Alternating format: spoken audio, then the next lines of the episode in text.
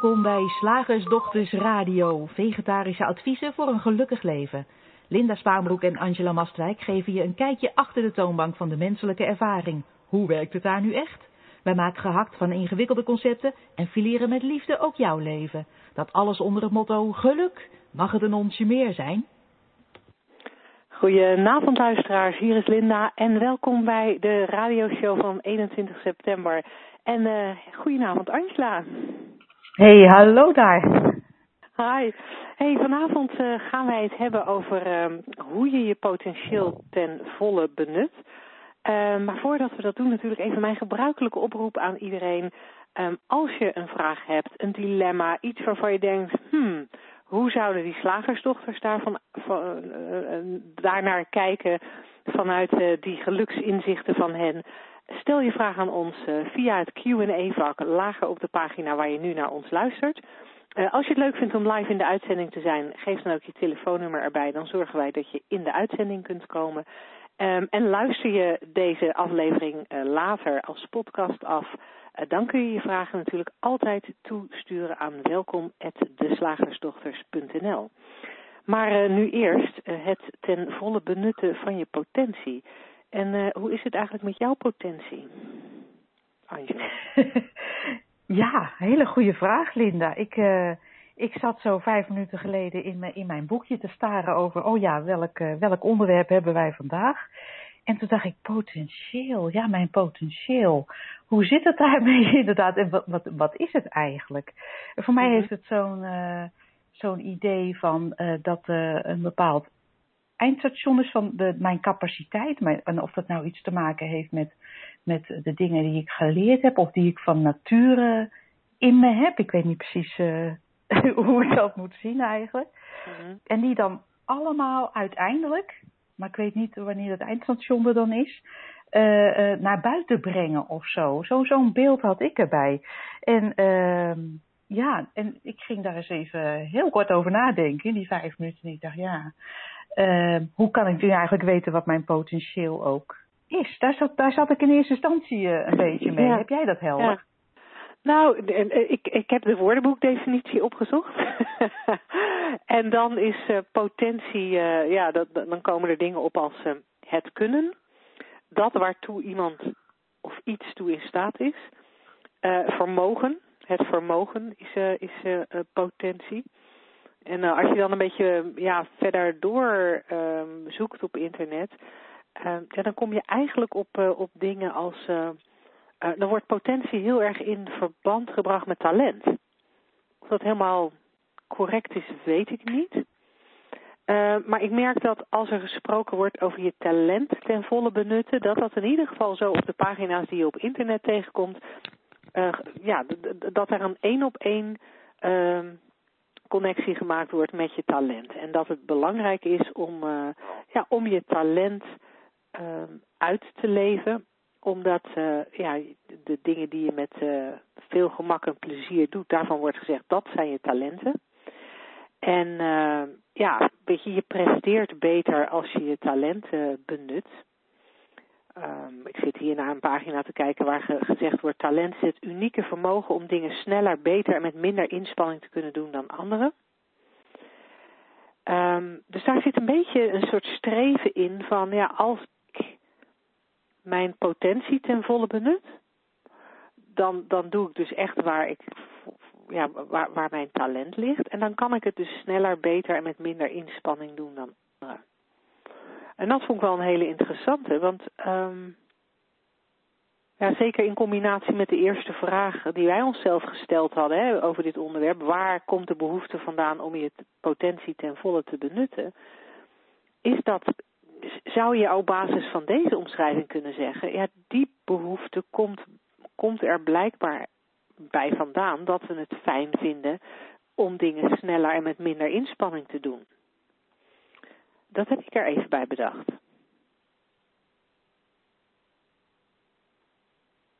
En toen vroeg ik me af of ik weg was, of dat jij van de lijn gevallen bent, uh, Angela. Uh, ik ga eens heel eventjes kijken. Het lijkt alsof ik nog wel op de lijn ben, maar Angela afgevallen is. Uh, dus dan, dan mijmer ik nog even door over, uh, over die potentie.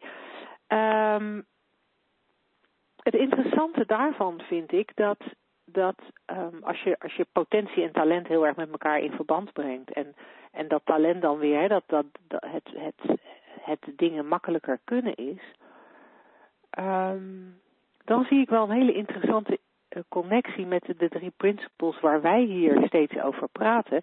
Omdat de drie principles ons inzicht geven in hoe wij als mensen van nature in elkaar zitten. Hoe ons, ja, hoe ons psychologische systeem in elkaar zit. En vanuit de drie principes zeggen we eigenlijk altijd, ja, je, je, je hebt al het welzijn al in je. Um, je, er is heel veel wat je met gemak kunt, wat je goed kan, waar je je fijn bij voelt. Alleen door al die gedachteconstructies die we bedenken, um, gaan, gaan wij er vervolgens van maken. Ja, jij kan dat. Uh, van, nou ja, dan, gaan wij er vervolgens van maken dat dat wat we met gemak doen, dat dat niet goed zou zijn. Want als je het makkelijk doet, dan is het niks waard. Het moet, het moet tot stand komen met bloed, zweet en tranen. Plus dat er in onze maatschappij natuurlijk zoiets is waarbij uh, we in ieder geval in het onderwijs, in mijn ogen, opgeleid worden om, om heel breed dingen te kunnen. Dus in het onderwijs van jongs af aan begint men al met um, ja, niet, niet te kijken naar, hé, hey, wat gaat je makkelijk af? En dat wat je makkelijk afgaat, daar mag je veel meer van doen. Nee, daar gaan we kijken, hé, hey, wat kan je nog niet zo goed? En dat wat je nog niet zo goed kan, daar laten we je veel meer van doen. En al het andere, uh, het, wat, je, wat je al heel makkelijk kan, daar, ja, daar besteden we eigenlijk niet veel, zoveel aandacht aan. Dus vanuit, vanuit dat oogpunt zou je zou ik kunnen filosoferen, dat we eigenlijk van jongs af aan juist een beetje weggehaald worden bij onze potentie. Niet allemaal, maar in, in, in veel gevallen. En ik kan me voorstellen dat als potentie en talent inderdaad een soort connectie hebben met, met makkelijk en, en, en iets goed kunnen, uh, ja, dan is het bijna logisch dat je de behoefte hebt om je potentie ten volle te benutten. Dat je de behoefte hebt om het, om het plezierig en makkelijk voor jezelf te maken betekent wat mij betreft wel, en ik zie dat Angela weer op de lijn is, dus als je in wil vallen Angela, ga je gang. Het betekent wat mij betreft wel dat als we zo kijken naar potentie en als we zo kijken naar je potentieel ten volle benutten, uh, dat wat mij betreft heel belangrijk is dat we daar niet te veel over nadenken. Want door erover na te gaan denken, wat is nou eigenlijk mijn potentie? Benut ik mijn talent wel ten volle? Dan gaan we al heel snel weer op die denktrein zitten. Nou, we hebben in deze radioshow natuurlijk al vaak genoeg daarover gehad dat, dat ja, wat we bedenken nou eenmaal niet waar is. Um, uh, dat, dat dat wel is dat denken waarmee we onze realiteit scheppen. Maar het is gewoon niet waar. Nooit, in geen enkel geval. Het ziet er wel heel vaak heel echt uit. Daarom geloven we het ook. Maar het is niet echt. En op het moment dat je natuurlijk van je potentie of je talent een heel ding gaat maken. Um, en daar denkconstructies omheen gaat maken, een concept van gaat maken en dan kan ik me voorstellen dat ook dat wat eruit komt, mijn talent is, dat dat bijna een gedachteconstructie wordt. En dat dat dat het maar even de vraag is of dat dan nog het aspect is uh, uh, wat jou inderdaad makkelijk afgaat. Wat wij vanuit de drie principes heel erg zien, en ik zeg wij, maar vul me aan Angela, want misschien spreek ik hier voor mijn beurt. Ik kan namelijk niet voor jou praten. Ik doe mijn best, maar het kan niet. Uh, als je erachter wil komen wat je potentieel is, um, als dat al belangrijk is, hè, want uiteindelijk denk ik dat het erom gaat dat je lekker in je vel zit, dat je een fijn leven hebt. Um, dat je, dat je uh, relatief, uh, in, in, mijn ogen is rust in je hoofd ook iets heerlijks om te hebben. um, we hebben dus gewoon, gewoon die, die hele natuurlijke um, aanleg van, van ja, lekker in je vel zitten, dat je die zo vaak mogelijk ervaart. Dat is wat mij betreft uh, waar het in het leven om draait. En niet al die dingen die we daarbij bedenken aan grote auto's en huizen en, en, weet ik het allemaal. Um, dus het is dan even de vraag of het belangrijk is om te weten wat je potentieel is. Omdat potentie of talent ook een gedachteconstruct is als je het dan toch fijn vindt, en als ik naar mezelf kijk, dan, dan denk ik, um, vanaf het moment dat ik meer en meer gedachten heb losgelaten, mijn gedachten met name minder serieus neem. Uh, doorzie dat ik inderdaad mijn eigen realiteit schep met mijn gedachten en dat mijn bewustzijn daar allemaal gevoel en emotie aan geeft die levensecht voelt, maar niet levensecht is.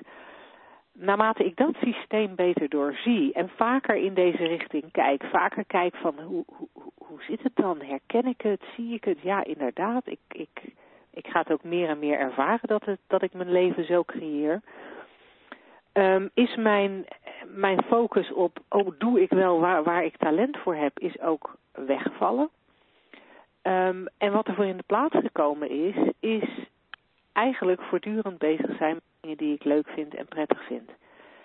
En wat ik daaraan dan ook merk, is dat ik nu dingen leuk en prettig vind, waar ik ineens talent voor blijk te hebben, waarvan ik altijd heb gedacht dat dat niet het geval was. Maar blijkbaar. Misschien wil je nog een keer koken. Wat zeg je?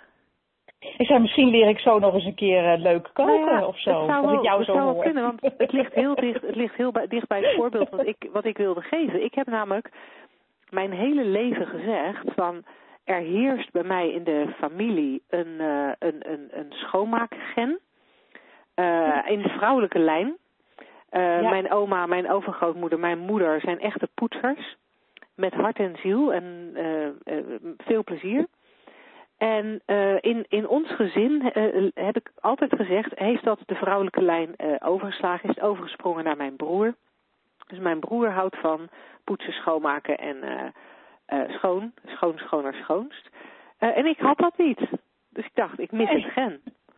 Maar het grappige is dat iets, ik bedoel, ik, ik had er geen last van, hè. Er is nooit een moment in mijn leven geweest dat ik dacht, god, oh god, oh god, ik wou dat ik dat, ik dat gen ook had. Um, heel af en toe dacht ik wel eens van, goh, het zou wel wat opgeruimder kunnen zijn in mijn huis. Maar ik had het opgelost door een uh, schoonmaakhulp uh, in te huren. Dus, dus het is niet vervuild bij ons thuis. En, en uh, nou ja, dit was niet een issue in mijn leven. Dus ik heb daar ook nooit een oplossing voor gezocht. maar vlak, vlak voor de zomervakantie is onze uh, schoonmaakhulp verhuisd naar de andere kant van het land. Dus had ik geen schoonmaakster meer. En tot mijn verbijstering um, blijk ik het zelf te kunnen, blijk ik het zelf te doen, blijk ik het met veel plezier te doen. En het moet niet gekker worden, maar ik heb van de week zelf staan schoonmaken bij mijn vriend thuis. Um, zonder gedachten. En als we, het nu, als we nu zo dit gesprek voeren over potentie en talent, denk ik dan, wat ik zie op dit punt, is dat mijn gedachten weggevallen zijn over schoonmaken en over dat ik dat leuk moet vinden en hoe ik het zou moeten doen en op welke momenten ik het zou moeten doen. En nu doe ik het een soort van vol automatisch en vind ik het eigenlijk, uh, ik snap nu ineens wat, mijn, wat, wat de rest van mijn familie er zo leuk aan vindt. En en dan denk ik, als dat bij schoonmaken kan, dan kan dat ook bij andere dingen. Ik zie het ook bij mijn assistenten, die naarmate zij meer en meer in de richting van de drie principes is gaan kijken, zijn er bij haar ook veel gedachten weggevallen. Zij doet nu werkzaamheden in het bedrijf waarvan ze een paar jaar geleden zei, nou, never, nooit niet. En die doet ze nu fluitend. Ja, mooi hè? En wij dachten dus dat ja, haar talent en mijn talent op andere vlakken lagen. En het Dus blijkt dat dus is dan wel helemaal weer een- waar. En dat is dan Ja. dus wel weer een fascinerend, uh, uh, uh, nou ja, een fascinerende wending. Uh, Ja, een aspect Ook van, een, een soort effect van, van uh, het inzicht in die drie principes. Of uh, een heel prettig aspect, moet ik zeggen. En ik moest ook denken aan een stukje uit, jou, uh, uit jouw nieuwe boek Ondernemershout bestaat niet. Ik zeg jouw nieuwe boek, maar het is je eerste uh, splinternieuwe uh, management top 10 uh, ondernemersboek. Wat ik gisteravond even in bed las. Van, uh, je kan gewoon doen zonder denken. Dat is veel effectiever, zoals jij nu dus schoonmaakt. Dan al dat denken erover, goh, het is toch wel een beetje, een beetje vies. Had ik dat schoonmaakgen maar zonder Ja. het te doen. Ja, en ja. ja, ja moeitelozer. Ja. Maar ja, Fijn, wat hoor. doen, we dan, hoe, wat doen we dan met dat potentieel? Want ik blijk nou ineens potentieel te hebben waar ik het niet verwacht had. Dus hoe Ja. zinvol is het dan nog om tegen elkaar te roepen... je moet wel je potentie benutten. Ja, ik, ik, ik moest, uh, terwijl ik uh, wanhopige pogingen deed om in het systeem te komen en in te bellen, mm. even, even uh, gingen mijn gedachten tegelijkertijd terug naar 25 jaar geleden toen ik in Singapore zat. Ik kwam vers uit een, uit een baan als, als, als valutahandelaar bij de bank. En ik, had een, ik was nog in zwangerschapsverlof, ik had een baby van een paar maanden en ik zat daar en ik kreeg niet een werkvergunning in eerste instantie. Dat, dat duurde wel een jaar. En ik zat daar in nou, omstandigheden, als ik ze omschrijf, Linda, je gaat er echt van kwijlen. Personeel om me heen, een zwembadman, een tuinman, een huis op een heuvel, uh, een ongelimiteerde lopende rekening bij de Hollandse Club die jij wel kent van jouw vliegtijd. Maar ja, in mijn hoofd speelde dus de gedachte, hè, ik, ik, was, uh, uh, ik vond mijn werk erg, erg leuk en ik was daar snel in gegroeid ik zit hier alleen maar moeder te zijn en dat nog haast niet eens. Want ik kan ook zo dat kind aan die AMA geven en, uh, en zelf de hort opgaan. Ik zit mhm. hier, ik benut mijn potentieel niet. En als ik nu, dat dacht ik toen nog heel erg, ik geloofde daar heilig in. En, en ik zie nu zo helder van als ik daar gezeten had zonder die gedachte te geloven, of ik hem nou wel of niet had, dan, dan was er gewoon wat er in dat moment was. Ja, geen werkvergunning. Nou, leuk. En dan deed ik ook al die leuke dingen die ik toen gedaan had. Maar zonder uh, uh, die druk die ik voelde, die, die, die soort beklemming van, maar ik benut mijn potentieel niet. Ja, dat vind ik en, eigenlijk een hele interessante. Dat, dat ja. die druk die en, erbij komt. Zo de, ja. ja, maar die omstandigheden, dat, dat, dat zegt dus dat, dat. Dus je kan een, een perfect leven hebben, hoe het er ook uitziet. Hè? Want ik bedoel, als ik dat omschrijf, dat is natuurlijk uh, een soort, soort uh, ja, hele luxe toestand. Maar uh, ik bedoel, dat, het zou net zo goed gewoon een, in een leuk rijtjeshuis in, in, in Leidse Rijn kunnen zijn met een, met een tuintje van een postzegel. Dat maakt niet uit. Maar het gaat erom, je leven is op dit moment wat het is. En dan heb je gedachten daarbij. En, en, en geloof je die gedachten als ik ik uh, benut mijn potentieel niet, dan voelt dat beklemmend. Geloof je die gedachten niet of heb je ze niet? Hè? Want op een gegeven moment gaan ze je echt loslaten als je dit een beetje doorziet. Dan leef je gewoon dat leven. En ja, waarschijnlijk, misschien heb je morgen ineens een, een fantastische baan. Of, of, zie je ineens, oh weet je, ik ga uh, zo en zo'n bedrijf opzetten. Of, of kan mij het schelen. Ja, maar, of zie je ineens dat wat je doet eigenlijk... Uh, dat dat helemaal leuk is. Ook prima is. Dat je je volle potentieel als moeder is ineens uh, benut. Ja, ja. Nou ja, want ja. Dat, dat, dat, dat is natuurlijk het interessante, dat, dat uh, we een beeld scheppen over wat potentie is. En, en jij voegt er dan nog aan toe van ja, en dan leggen we onszelf druk op als we in een situatie zitten waarin we niet kunnen voldoen aan onze eigen verwachtingen als het gaat om het uh, uh, ja. uitnutten van onze potentie. Wat gaat is er ook, zijn er eigenlijk best ook veel oordelen hè, over wat dan wel goed is en wat niet. Want jij zegt nu grappend, ja, je potentie als moeder uitnutten. Terwijl ja. uh, wij werkende licht feministische vrouwen, om nog maar eens een conceptje op onszelf los te laten, natuurlijk vinden dat je je potentieel eigenlijk alleen kunt benutten als je als je werkt. Om, om, om, en dan gaan we onszelf druk opleggen omdat we, nou ja, ik denk dat het punt duidelijk is. Het is volkomen verzonnen en ook cultureel bepaald. Hè? Want er zijn natuurlijk culturen waarin het moederschap je van het is en, uh, en waarom niet. Het is maar net wat je, wat je meegekregen hebt en wat je geloofd hebt en wat je jezelf oplegt. En dat is altijd fijn om te weten. Als je en met name dat laatste, dat je jezelf oplegt, dat je iets anders zou moeten doen dan wat je op dit moment doet. Ja. Ja, Oh, mooi. Mooi, mooi einde. Slagersdochters, wat zit er in de leverworst? Oftewel, tijd voor wat wetenschap. Ja, dit, uh, deze week is uh, even heel wat anders. We duiken het bos in. Het bos, oké, okay, kom maar op. Ja, het bos. dat, doe jij, uh, dat doe jij elke dag, denk ik, met je hondje. Bijna elke dag, ja. ja, ja. Ik, uh, ik stuitte op een, uh, op een uh, heel leuk verhaal van een Canadese onderzoekster en wetenschapster, Suzanne Simard. En zij, toen zij jong was, woonde zij ook al in de Canadese bossen. En haar hondje viel in een beerput. arm, arm kind. En haar opa groef het hondje uit. En zij stond zo toe te kijken. En, en zag dat hij door allerlei lagen heen ging in die, in die Canadese bosgrond. En zij dacht, dat is interessant. Ik zie allemaal verschillende kleuren en verschillende ja, substanties lijkt het wel. Dus haar interesse werd gewekt, heel jong al. En zij is daar uh, zich in gaan verdiepen en, en specialiseren. En ontdekte, nou met jouw woorden, fascinerende dingen. Ja. Want een bos is dus, is dus veel meer dan die bomen die je ziet. Want ondergrond schijnt daar een hele wereld voor je open te gaan die je in eerste instantie niet zou, zou vermoeden. Het is een wereld van, van oneindige biologische verbindingswegen. Die die bomen dus uh, nou ja, onderling uh, in, in, in connectie hebben. En hen in staat stellen om te communiceren. Dus dat bos, al die bomen die je ziet, dat, is, dat kan zich, of dat gedraagt zich, hoewel wij dat niet zien, als één enkel organisme, als een soort één intelligentie. Oké, okay. dat, dat is nieuw ja. voor me. voor mij was het ook. dus, dus ik ben daar eventjes ingedoken in, dat, uh, in, in dit verhaaltje van die mevrouw die bosbouw ging bestuderen. En um, ja, ze ontdekte dus dat verschillende soorten bomen in verschillende soorten verbindingen met elkaar stonden. En dat er ondergronds nou, een soort uh, web loopt, dat is vergelijkbaar met ons internet, met allerlei knooppunten ook. Mm-hmm. Een soort, soort ja, internethubs zou je kunnen, zou je kunnen zeggen.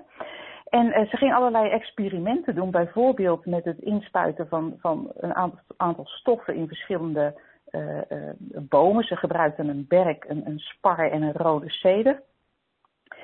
En uh, nou, dus, het zijn een heleboel exotische stoffen die hier staan. Ik heb daar totaal geen verstand van, maar er zit in ieder geval een radioactief spul bij.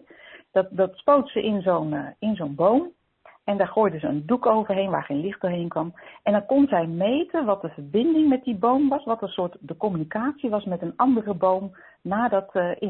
Dus ze ging met een geigerteller tegen die boom aanstaan, hè, waarmee je dus kan meten of, die, uh, of er radioactiviteit is. En dat had ze tenslotte ingespoten. En inderdaad, die boom had dat opgenomen en die, die werd radioactief.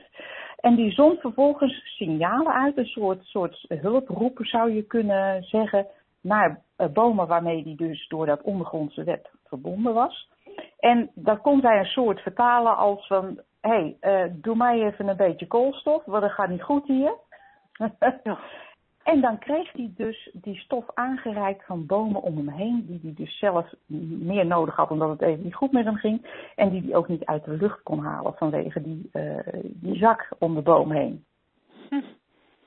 Ja, dus er was een soort uh, tweeweg communicatie. En uh, zij is ook verder, zij is ook in, in de ondergrond gaan spitten en ze ontdekte dat, dat paddenstoelen voornamelijk, dat is niet alleen die dingetjes die wij zien staan, die, die, die rood met witte stippen dingetjes en andere zwammen die je overal ziet, hè. Maar die hebben ondergronds, nou, ongelooflijk veel, ja, draden zal ik maar even zeggen. Waarmee zij dus uh, ja, eigenlijk alle communicatie mogelijk maken en, en gaande houden. ja, het is echt uh, ongelooflijk als je dit uh, leest. Dan denk ik, hoe kan het? Maar ze heeft dat dus een tijdje, dat bos wat zij hier speciaal voor heeft geplant, is inmiddels 30 jaar oud. Dus ze is daar al 30 jaar mee bezig. En ja, andere experimenten waren bijvoorbeeld dat met, met die communicatie, is dat als die die spar die blijft groen de hele winter. Mm-hmm. Maar die berk, die laat ze bladeren los en die heeft dan uh, minder uh, voedingsstoffen nodig. En wat doet hij dan? Ja. Dan stuurt hij dat naar die spar, die dan door kan blijven groeien. Ach. Dus ja, ze waren een soort onderling af, af, afhankelijk. En ook hebben ze ontdekt, dat vond, ik, nou, dat vond ik echt heel interessant, dat bomen hun eigen nakomelingen herkennen. Ik denk, ja, hoe werkt dat dan? Nou, ze heeft dus experimenten gedaan met het planten van een boom. En daar komen zaadjes uit een boom natuurlijk waar nieuwe boompjes uitgroeien. Dus die heeft ze een, een aantal daarvan heeft ze onder die boom laten groeien. Maar ook zaadjes van andere bomen daar geplant. En nou, er kwamen dus allemaal van die jonge zaailingen op. En het bleek dat die, uh, dat die moederbomen, om het zo maar even te noemen, er zijn dus moederbomen, dat die andere communicatie stuurde naar haar eigen kinderen dan naar andere kinderen doordat schimmeldradennetwerk. Hè? Dat netwerk eh, waar, wat onder die paddenstoelen zit. Nou, dat, dat vond ik dus echt eh, ongelooflijk. En ook, en zelfs, ja, en ze, ze laten elkaar dus weten als ze bijvoorbeeld gewond zijn en een stofje nodig hebben. Maar ook, dat vond ik, dat vond ik echt een, eh, een eh, ongelooflijk mooie uitsmijter. Als de moederboom doodgaat, en ik heb geen idee, het, het werd ook maar niet duidelijk in het lezen van dit onderzoek, geen idee hoe ze dat eh, kunnen vertalen.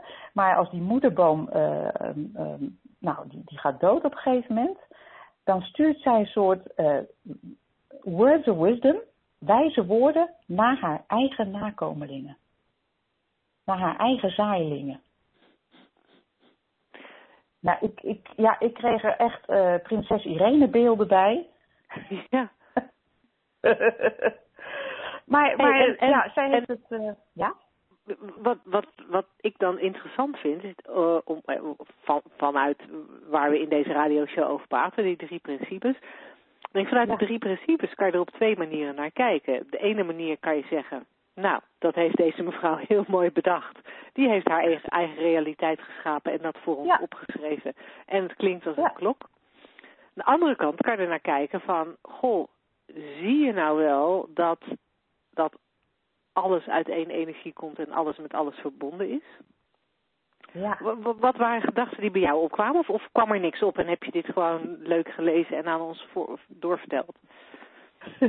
nou, ik, ik las het en ik dacht, nou, ik vind het zo mooi om te zien dat alles met elkaar uiteindelijk verbonden is. Dit is dan de voorbeeld van, je ziet die enkele bomen en je ziet die paddenstoelen staan. En dat blijkt dan bij nader onderzoek allemaal eigenlijk één groot organisme te zijn. En dan denk ik, misschien als je het verder wetenschappelijk gaat bekijken, maar ja, wetenschap is altijd maar een, een tijdelijk inzicht, denk ik dan. eh, eh, kom je ook andere soorten verbindingen tegen. En en komen we uiteindelijk op de, tot de, de conclusie, eh, wat wij ook in de Three Principles zeggen, dat alles uit één, ja, uit, uiteindelijk uit de eenheid komt. Dat alles verbonden is en alles. En ja, en ik, ik, wa- wat bij mij opkwam was wat een prachtig systeem, wat ongelooflijk, als het zo werkt, dat het zo werkt. Ja, ja. Ja, Ja. heel erg eh ongelooflijk Ja, ja. ah, high-tech. Ja, gaaf. ja. Zullen wij eens eh, gaan kijken of er eh, vragen zijn vanavond? Oh, dat zou leuk zijn.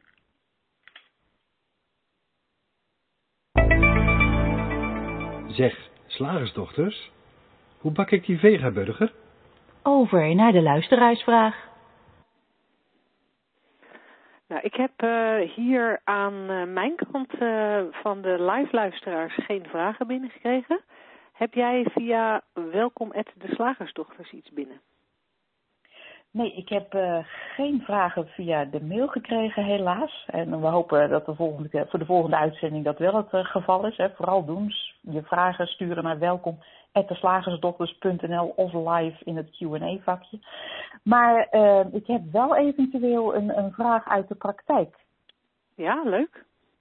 Ja, ik, ik, ik kreeg de opmerking van iemand die regelmatig leest wat wij schrijven en luistert naar wat wij zeggen. Van, ik, ik, snap, ik, ik snap het en ergens denk ik ook, ja, weet je, dit, dit, dit klopt gewoon. Iets in mij zegt, deze kant moet ik opkijken. Mhm.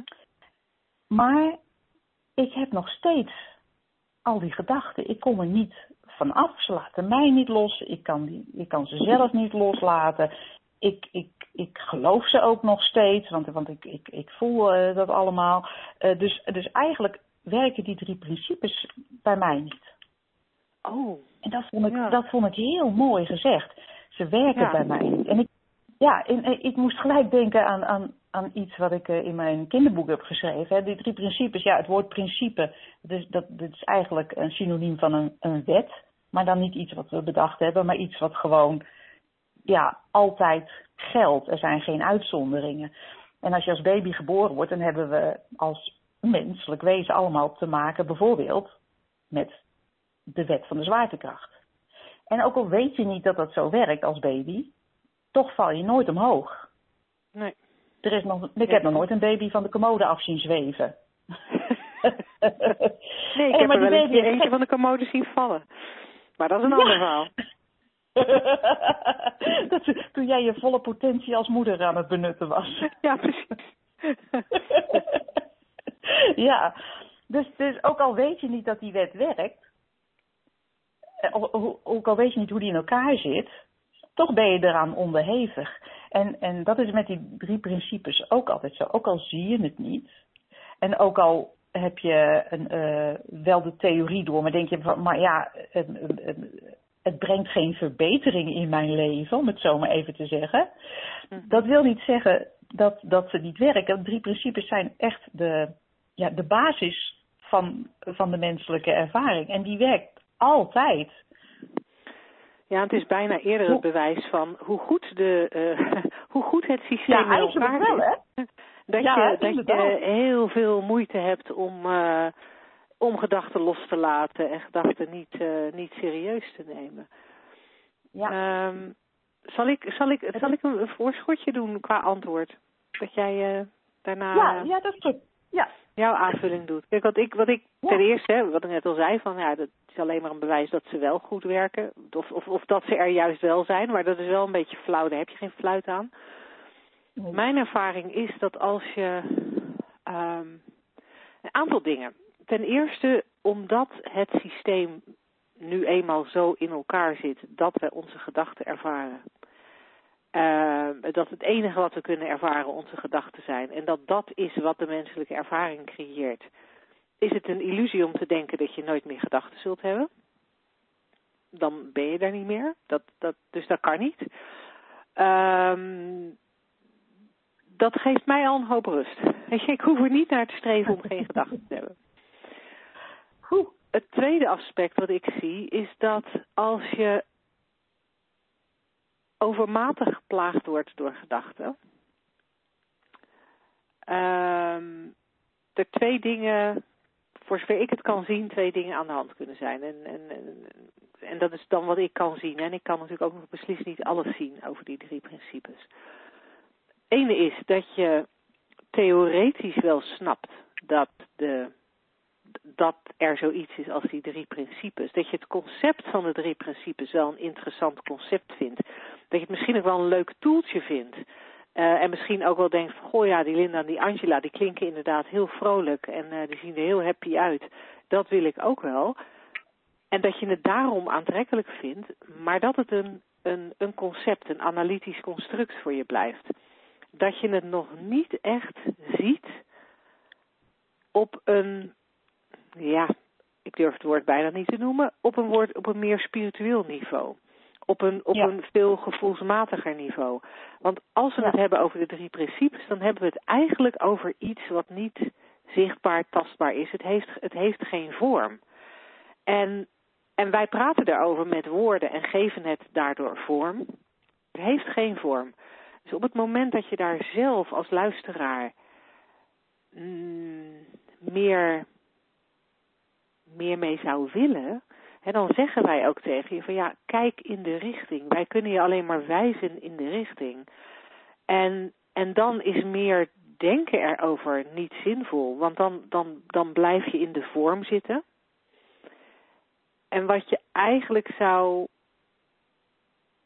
ja, en moed is ook weer niet het goede woord, maar wat je, daar waar de, waar de verlichting zit, verlichting in de zin van minder zwaar, is, is, is daar waar je er geen woorden meer voor hebt.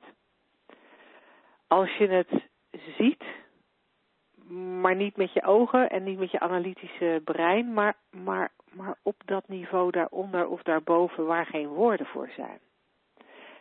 En als je het, als je het dan ziet, dan zie je het, dan zie je het misschien op kleine stukjes in je leven. Of je ziet het bij andere mensen. Maar dan is het geen construct meer. Dan is het niet een mooie theorie. Maar dan is het een, dan is het een voldongen feit. Ja, zo Ja. is het. Ik zie het. Ik voel het. Ik weet het. En, en dan hoeven we er ook geen discussie meer over te hebben of het wel of niet klopt. Dan hoef jij er ook geen discussie meer over te hebben of het wel of niet klopt, want dan weet je het gewoon. En dan kunnen er nog steeds plekken zijn waar je het niet ziet. ik heb ook plekken waar ik het niet zie. Weet je, ik, ik, dat hebben we allemaal. En ook, ook mensen die al 40, 50 jaar in deze richting, of nee, 50 dan niet, maar 40 jaar in deze richting kijken, die hebben nog steeds momenten waarop ze totaal in hun gedachten zitten. Maar wat het mooie is, als je ergens ziet of weet dat het klopt wat we zeggen, dat het klopt waar we naar wijzen, dan ga je het op steeds meer plekken zien. En als je dan vol in je gedachten zit, dan heb je er minder last van. Ik had toevallig vannacht voor het eerst in jaren een nacht dat ik wakker heb gelegen. En Oh, ik had buikpijn en ik was misselijk en ik had hoofdpijn. Maar wat er ook gebeurde, dus ik, ik denk dat ik ook een soort van wakker was gewoon van het lichamelijk ongemak. Ik denk dat ik een beetje een virus heb of zo, want ik heb er vandaag nog steeds last van. Ik hoor ook anderen in mijn omgeving die er last van hebben. Maar hoe dan ook, ik lag wakker en, en voor het eerst in jaren ook weer met de ouderwetse gedachtentrein die ging over dingen die ik nog zou moeten. Oh, en, en, dus, dus ik lag echt ouderwets na te denken over mijn werk. En het was echt fascinerend, omdat ik dat Ja. al zo lang niet meer... En ik lag daar echt en dacht, nou ja zeg, nou ja zeg, zo was het vroeger dus elke nacht. en, Oh. en nou, en nou ja zeg, ik, ik, ik weet al, al, al, al heel lang niet meer anders dan dat ik wakker word als ik klaar ben met slapen of als de wekker gaat, als ik toevallig er vroeger uit wil, om wat voor reden dan ook. Maar niet, niet om vijf uur of zo, om half vier eh, wakker liggen in mijn bed met allerlei rare gedachten in mijn hoofd. Of rare gedachten, maar gedachten in mijn hoofd. En ehm ik, had ook, ik had ook gedroomd. Ik, had, eh, ik, ik, ben vandaag een, eh, een, eh, mijn nieuwe auto op gaan halen, omdat mijn andere auto totaal los was. En ik had ook gedroomd dat ik die nieuwe auto eh, eh, direct ook weer he- heel erg zwaar beschadigd had. En, en daar werd ik ook mee wakker en die gedachte ging ook een beetje door en dat onrustige gevoel ging door. Maar het grappige is, omdat ik weet wat ik nu weet, dat ik het, ik voel het, ik ervaar het, ik kan er ook gedachten over hebben van, nou ik vind dit dus niet leuk, ik vind doorslapen leuker. Maar ik, ik kan mezelf ergens, en stoppen is niet helemaal het goede woord, maar het loopt niet meer uit de hand. Want op het moment dat ik ga denken, nou, en dan ben ik straks morgen moe. En hoe komt het nou toch dat ik niet doorslaap? En is nou, is nou de, hè, die, die, die periode van ontspanning, is dat dan ineens voorbij? Weet je, als ik die gedachte krijg, dan, dan weet ik gewoon, dan weet ik, weet ik, weet ik tot in mijn tenen, dat wat ik denk als ik wakker ben, net zo'n onzin is als wat ik vlak daarvoor had gedroomd. Dat dat gevoel dat ik in die droom had over, jeetje, wat ben ik dom dat ik mijn auto nou zo zwaar beschadigd terwijl die net uit de garage is. En wat is het toch, wat ben ik toch een zwakkeling dat ik dan mijn vriend moet bellen om mij op te halen. Hij moet ook altijd alles voor mij opknappen. Weet je, dat, dat soort gedachten had ik in mijn droom. En dan word je wakker en dan weet je, god, wat een onzin. En vervolgens komen er achteraan, komt een hele batterij gedachten die net zo, net zo bedacht zijn als die droom waar ik net uitkom. Alleen omdat ik dan mijn ogen open heb, neem ik ze ineens heel serieus. En dat weten maakt dat, je er, dat ik er in ieder geval meer naar kan kijken als, als een film. Weet je, ik, ja, het voelt wel echt. Ik heb de emoties, ik heb daar zo mijn gedachten over. Ik heb daar zo mijn oordeel over dat dit niet zo hoort. Ehm, maar het doet me minder. Dus ik neem, mijn, ik neem mijn ervaring minder serieus, omdat ik weet dat het allemaal een verzinsel is. En voor mijn gevoel zit daar een heel deel van de crux. Ja, je hebt Ja, gedachten. dat denk ik ook. Ja, Ja. je hebt emoties. Ja, je ligt wel eens wakker, je bent wel eens boos. Je, je- van alles. Ja. Ja, Maar precies. uit. En als het, nee, het maakt niet uit. Als we even teruggaan ook naar, ik, vind het echt een mooi verhaal. En het is inderdaad, dat, dat maakt het ook lekker simpel. Ja, je hebt nog steeds die menselijke ervaring, daar kan je namelijk niet uit. Alleen je snapt dat dat je menselijke ervaring is en hoe je hem creëert. Oh. En als we dat even ook weer uh, als we ook even weer teruggaan naar, naar het, uh, de vergelijking met, met zwaartekracht. Ja, ik, uh, als kind, je, je wordt geboren in die zwaartekracht. Dus, dus daar heb je gelijk, zeg maar, last van, maar ook profijt van. Hè? Want het is toch wel fijn dat je ook blijft liggen waar je ligt als je niet van je commode afvalt. Maar, ehm, en dan ga je leren lopen en in het begin val je voortdurend. Allemaal zwaartekracht. En dan leer je een soort Oh ja, dan leer je een beetje zo je balans te vinden. Je leert dus eigenlijk een soort in die zwaartekracht te bewegen, zoals we dat ook in die menselijke ervaring leren te bewegen met die, met die drie principes die altijd de basis zijn. Maar dat wil niet zeggen dat als je, als je groot bent, eh, dat je niet eens een keertje misstapt en op je, op je neus valt. Alleen dan val je op je neus en denk je, oh zwaartekracht. Hè? Dan hoeft niet ja en, en hoe kan dit nou? En, en, hè, een heel Waarom ik nou weer? Waarom ik? Ja, nee, zwaartekracht. En als je, en als je je uh, er een beetje in verdiept, dan kan je ook steeds je beter je balans houden. Hè? Op een gegeven moment leer je fietsen. En er zijn natuurlijk mensen die, uh, die, die, die echt uh, een soort uh, hooggeleerd zijn in het managen van de zwaartekracht. En die, die, die kunnen op, uh, op, op, om slap koord lopen of, of weet ik veel. Wil niet zeggen dat zij niet meer onderhevig zijn aan de zwaartekracht. Als ze even een misstapje doen, liggen ze alsnog beneden. En zo zie ja. ik dat ook. Van, ja, je, zit, je hebt er altijd mee te maken. Dit is hoe je je ervaring creëert. Nou en. En als het wel eens zogenaamd misgaat, en in, in dit geval was dan het zogenaamd misgaan, oh, ik geloof mijn gedachten nog. Of zoals jij, oh, ik heb ineens, zit ik in zo'n storm. of er is een onderwerp wat je, waar je dan ineens nog heel erg in gelooft. Ja, nou en? Ja. Natuurlijk niks. Het is allemaal zwaartekracht. Het is allemaal die principes. Ja, ja en wat ik... Je kan wat ik, uit. Nee, en, en wat ik ook leuk vind en wat, waar ik toch ook nog even naar wilde kijken met jou en de luisteraars, is dat we als uh, mensen, zeker als we een beetje uh, geïnteresseerd zijn in nou ja, waar wij het nu over hebben. We zijn toch, toch geïnteresseerd in, nou ja, laten we het woord nog maar eens gebruiken, persoonlijke ontwikkeling. Dan, dan um, en ik, ik zeg het voor de luisteraars, Angela weet het al, maar ik zeg het met mijn vingers tussen, ik maak van die aanhalingstekens, omdat persoonlijke ontwikkeling, nou ja, daar, dat is vaak ook een heel concept uh, waar, waar, waarvan wij als slagersdochters denken, die, die mag ook wel eens door de gehaktmolen. Ja. Um, maar als je, als je geïnteresseerd bent in, in, nou ja, dan toch een beetje deze richting, um, dan stellen we vaak um, hoge, orde, uh, hoge eisen. Dan, dan hebben we ook daar een concept over hoe het zou moeten voelen als wij het helemaal snappen. Um, en als, als we dan niet aan onze eigen verwachtingen voldoen, dan, uh, dan, dan, uh, dan is dat verkeerd. En, en wat ik daarbij dan zie, is dat, dat we vaak de, daar waar we het wel zien en waar we wel al profijt hebben van het feit dat we inzicht hebben in de drie principes, dat zien we over het hoofd. Omdat daar waar we het als makkelijk gaan ervaren, uh, dat, dat, dat, dat makkelijker en dat, dat, dat gaat vaak ook automatischer, waardoor we het niet zien.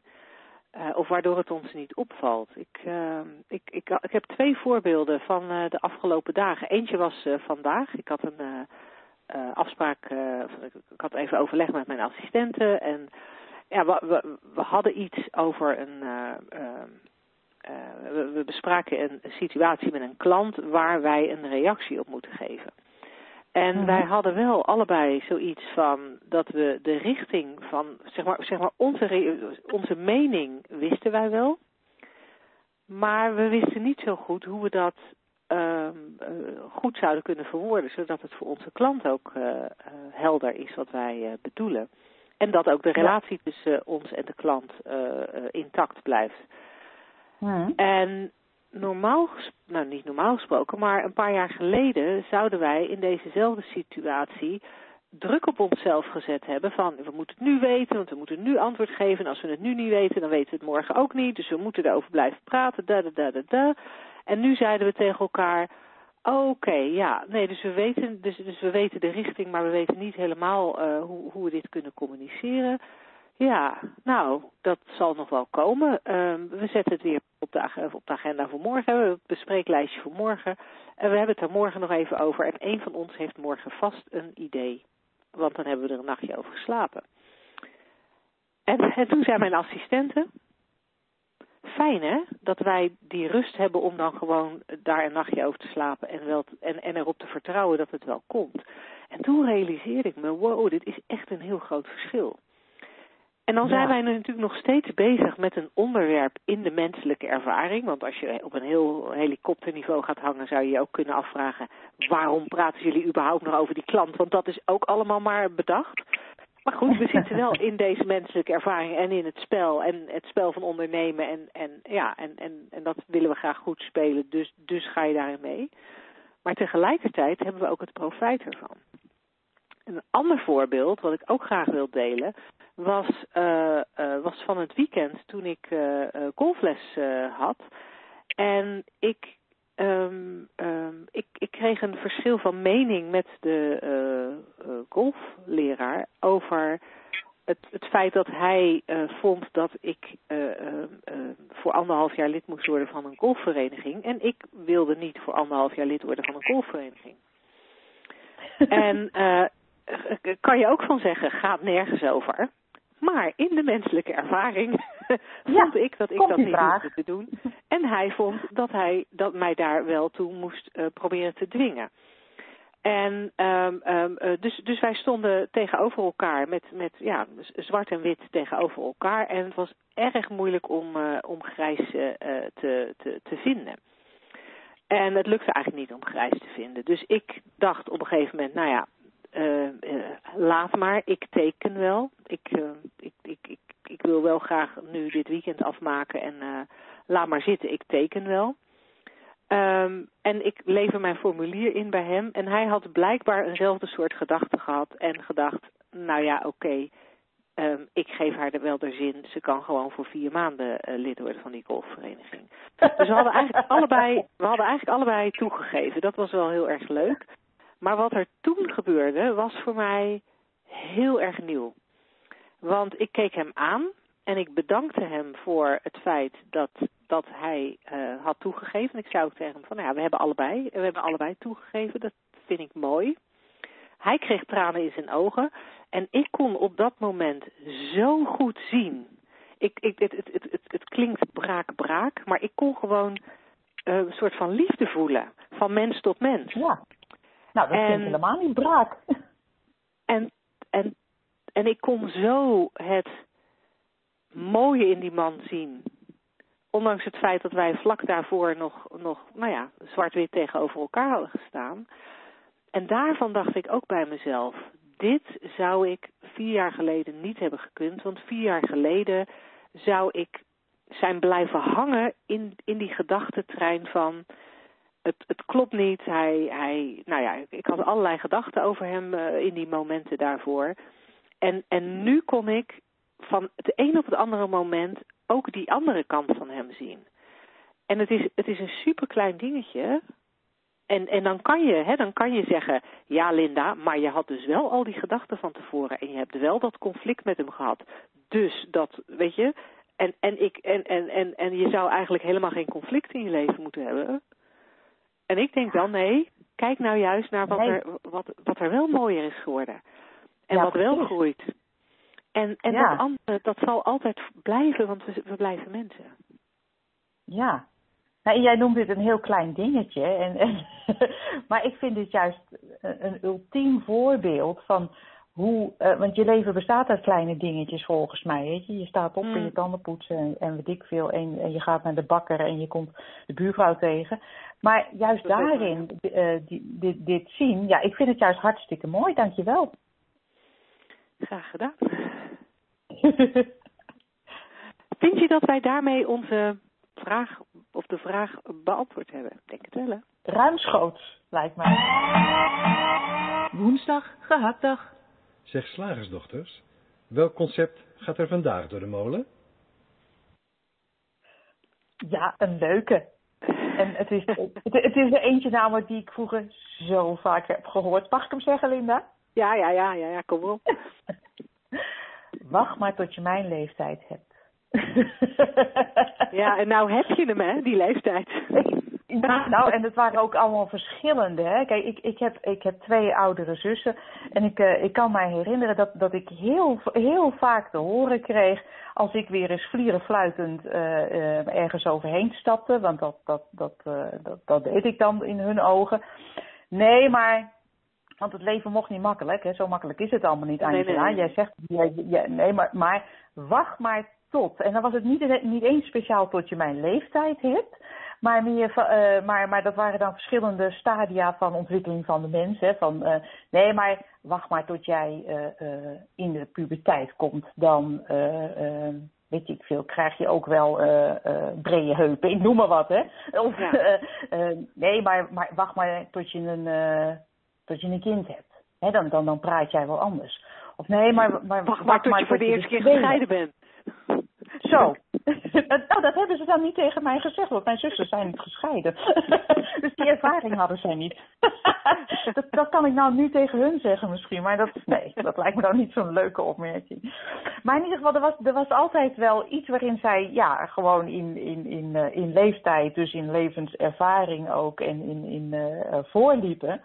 En als ik dan ergens heel makkelijk over deed, wat ik dan, uh, die neiging heb ik, had ik, blijkbaar uh, dan mij een vingertje opgeheven. Nee, maar, maar wacht maar, want het wordt nog wel moeilijker. En dat vind ik, uh, dat vind ik heel grappig, dat dat een soort, uh, ik weet niet of dat alleen bij mij thuis was, of dat, of dat, dat is wat ik onthouden heb, hè, want het is natuurlijk maar een heel klein, een klein dingetje eigenlijk, maar, maar blijkbaar deed dat mij iets of zo. Um, of, of dat dat,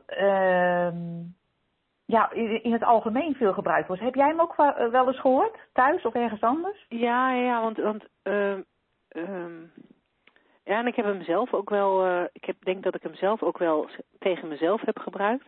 Er was toch, er was altijd wel een, een uh, ja, een soort onheil dat nog, ja, dat nog zou komen. Want dat oh, vind ja. ik wel, hè, ja. met wacht maar tot je mijn leeftijd hebt, dat gaat altijd wel ja. over onheil dat, dat nog gaat komen. Ja, ja, ja hetzelfde dat iemand zegt, ja, wacht maar tot je mijn leeftijd hebt. Echt jongen, dan word je echt beren relaxed. en uh, het, het, leven is echt zo leuk als je 70 bent of als je 50 bent of uh, zelden. Uh, dus er komt altijd een soort onheil aan. En um, ik ben daar wel zo sterk in meegegaan dat ik ook, um, misschien ben ik als kind razend optimistisch geweest, maar ik dacht altijd, wacht maar tot ik volwassen ben, want dan huil ik nooit meer. Dan is het leven oh. goed. Uh, dat was een beetje tegenvallen. Dat, dat was wel jammer. Ja, dat was een beetje jammer. Uh, maar ik zag mijn ouders nooit uh, huilen of verdriet hebben. Dus ik dacht dat je dat niet had als volwassene. En, uh, oh, ja. en mijn ouders blijken dat bewust voor mij verborgen gehouden te hebben, omdat ze dachten dat dat mijn leven makkelijker zou maken. het heeft bij mij iets van verkeerde verwachtingen geschept. Um, maar, maar, maar hoe dan ook heeft het, uh, in, ja, het, het heeft, heeft dus altijd iets met, uh, in mijn geval had het iets ja. met, het is nu niet goed, het wordt later beter. Bij jou had het meer iets van, het is, het, ja, weet je, nu heb jij nergens last van, maar dat komt nog wel. Ja, en het is zo grappig, hè? want zo'n voorspelling die we dan op deze manier voor een ander doen, ja, dat, dat zou impliceren dat, dat de omstandigheid, wacht maar tot je een kind hebt, of twee kinderen hebt, of totdat je uh, 20 bent, 30 bent, 40 bent, 50 voor mijn part. Dat, het, het, het impliceert een soort dat die omstandigheid bepaalt hoe jij je dan uh, gaat voelen, of wat er dan met je lijf gebeurt, of uh, hoe jij je dan gaat gedragen of de wereld zien. Terwijl, ja, dat, dat staat voor, voor, voor mij um, um, los van elkaar natuurlijk. Wetend dat je dat gewoon in elk moment creëert, die ervaring die je hebt, on, onafhankelijk van hoe, hoe oud je bent. En of je nu bijvoorbeeld, bij mijn, bij mijn, uh, in mijn geval was het dan vaak dat ze dan dreigt dat ik dik zou worden. Alsof dat afhankelijk zou zijn van, van een leeftijd of, of weet ik veel. Ik denk, we, we, we verbinden dingen aan elkaar. Dus als je zo oud bent, dan gebeurt dat. Of als je een kind krijgt, dan gebeurt dat. En, uh, en gaan er dan uh, zo vanuit alsof dat voor iedereen geldt, alsof die verbinding waar is. Alsof het, uh, het ene het andere ten gevolge heeft. Of, en dat vind ik, eigenlijk, uh, vind ik eigenlijk heel grappig. Want zoals ik het nu zie, en toen geloofde ik daar ook min of meer in. Hoewel ik aan sommige dingen wel twijfelde. Maar uh, het was toch altijd wel een soort, soort uh, dreiging. En ik ging ook mijn best doen om het voor te zijn dan. Hè? Om mijn best te doen om, oh ja, nee, maar ze zeiden dan, wacht maar tot je twintig bent, dan dat en dat. En dan ging ik ook proberen mijn best te doen om dat voor te blijven. Om dat juist dan niet te, te doen of te, te zijn. Ja, dat is op zich ook wel een recept voor anorexia. Wacht ja, maar, inderdaad. Dan, word je Ja. vanzelf dik. Ja, nou, dus nou, wel ik je heb ook een hele- dat- Ja, ik ben ook een hele tijd eigenlijk een soort raar met eten omgegaan. Bij mij eh, vertaalde het zich dan in heel veel sporten. Hè? Dat kan natuurlijk ook. En, eh, en, en- maar ook wel inderdaad heel erg, eh, heel erg opletten. Van wa- wat dan gezond was en, en, en wa- wa- waar, waar je dan wel en niet dik van werd. Ik heb, daar, heb me daar echt onnodig veel, belachelijk veel mee bezig gehouden. Terwijl, ja, dat achteraf bezien en, en, en eh, met de wetenschap van nu volkomen overbodig en, en, eh, en ook onnodig stressvol was. Zonde. Ja, ja. Alleen door Ja. het geloof in dat soort voorspellingen en, en gedachten van iemand anders, daar kan je heilig, eh, heilig in geloven. Ja. ja, en wat ik vooral mooi vind, oh, vond, was dat je daar net ook zei, eh, of ik weet niet of je het letterlijk zei, maar dat was in ieder geval wat ik oppikte, dat ehm, op het moment dat iemand tegen jou zegt, ja wacht maar tot je mijn leeftijd hebt, Mhm. dan gaat diegene totaal voorbij aan het feit dat hij of zij haar of zijn eigen realiteit schept. En dat Ja. als jij 70 bent, om maar een leeftijd te noemen, of 50 of wat dan ook, maar als jij die leeftijd hebt, dat jij jouw realiteit schept. En dat die er Mhm. totaal anders uit kan zien, omdat er geen, er is geen standaard voor. Nee. En hoe meer we in staat zijn om te zien dat onze gedachten een illusie zijn, hoe vrijer we zijn om in elk moment te kiezen wat we willen kiezen. Ja, en hoe minder leeftijd ertoe doet en hoe minder omstandigheden ertoe doen. Dus zelfs als je dan in dezelfde omstandigheid zou zijn, eh, op die leeftijd als eh, de persoon die nu tegen je praat op dit moment is, dan nog kan je het heel anders beleven omdat je heel anders omgaat met je gedachten. Ja, precies. Het is mooi dat jij dat zegt, anders omgaat met je gedachten. Want ik moet ook gelijk weer denken aan de vraag die we, die we net eh, hebben proberen te beantwoorden. Want het, het gaat inderdaad niet van, heb je die gedachten wel of niet? Maar hoe is jouw relatie met die gedachten? Hè, neem je ze echt serieus? Geloof je ze? Of, eh, oh, ze zijn er maar whatever. Ja. Ja, dat, dat, ja. dat maakt zo'n groot verschil, ja. En ik denk eh, dat, ja, dat het heel ver gaat. En wat, wat, dat, wat we geloven, dat, dat wij dat als realiteit zien, dat dat heeft echt vergaande gevolgen. Ik geloof zelfs, nou ja, met alle wetenschapsitems die we elke week ook eh, bekijken, dat het echt op allerlei vlakken gewoon je hele leven kan, eh, eh, eh, nou niet, niet bepalen, maar scheppen, zeg maar. Ook op fysiek vlak bijvoorbeeld. Dus heel, eh, Ja. ja, het gaat heel ver. Ja, en dat fysieke vlak is er eentje waar ik, waar, waar ik stukjes zie, maar heel veel stukjes Ja. ook nog niet zie. Dus het Ja, ik ook ook een heel hoor. interessant onderwerp voor, voor een uitzending, denk ik. Eentje waar, eh, waar Ja. ik in ieder geval ook een hoop eh, nieuws te ontdekken heb. Dat gaan we samen doen. Hartstikke leuk. Kijk ik ook Hey, dan, eh, dan stel ik voor dat we hiermee de uitzending beëindigen. Eh dankjewel voor alle, aan alle live luisteraars voor jullie aanwezigheid. En eh dankjewel natuurlijk ook de luisteraars die via de podcast naar ons luisteren. Heel graag ontvangen, je, ontvangen we je, je, je vragen of dilemma's. En ik schreef dat van de week even in een mailtje eh, aan iemand. Ehm, misschien, misschien een tip om erachter te komen. Wat kan je nou aan die, aan die slagersdochters voorleggen? Op het moment dat je ons hoort praten en je denkt bij jezelf: ja, maar. En dan komt iets achteraan. Dat wat daarachter dat ja, maar aankomt, dat horen wij heel graag van je. Want dat ja, geeft dat ons nieuwe, ja, geeft ons nieuwe, nieuwe, nieuwe hoe zeg je dat, nieuwe brandstof om uh, het gesprek met je verder te voeren. En het geeft jou ook de gelegenheid om net even meer te zien uh, dan je nu ziet. Dus laat ons al je ja-maars weten via welkom@deslagersdochters.nl en wij gaan eens kijken of we daar uh, een, een lekker snietseltje voor kunnen bakken. Om maar in de goede metafoor te blijven. hey, dankjewel en heel graag tot volgende week. Doeg! Tot dan!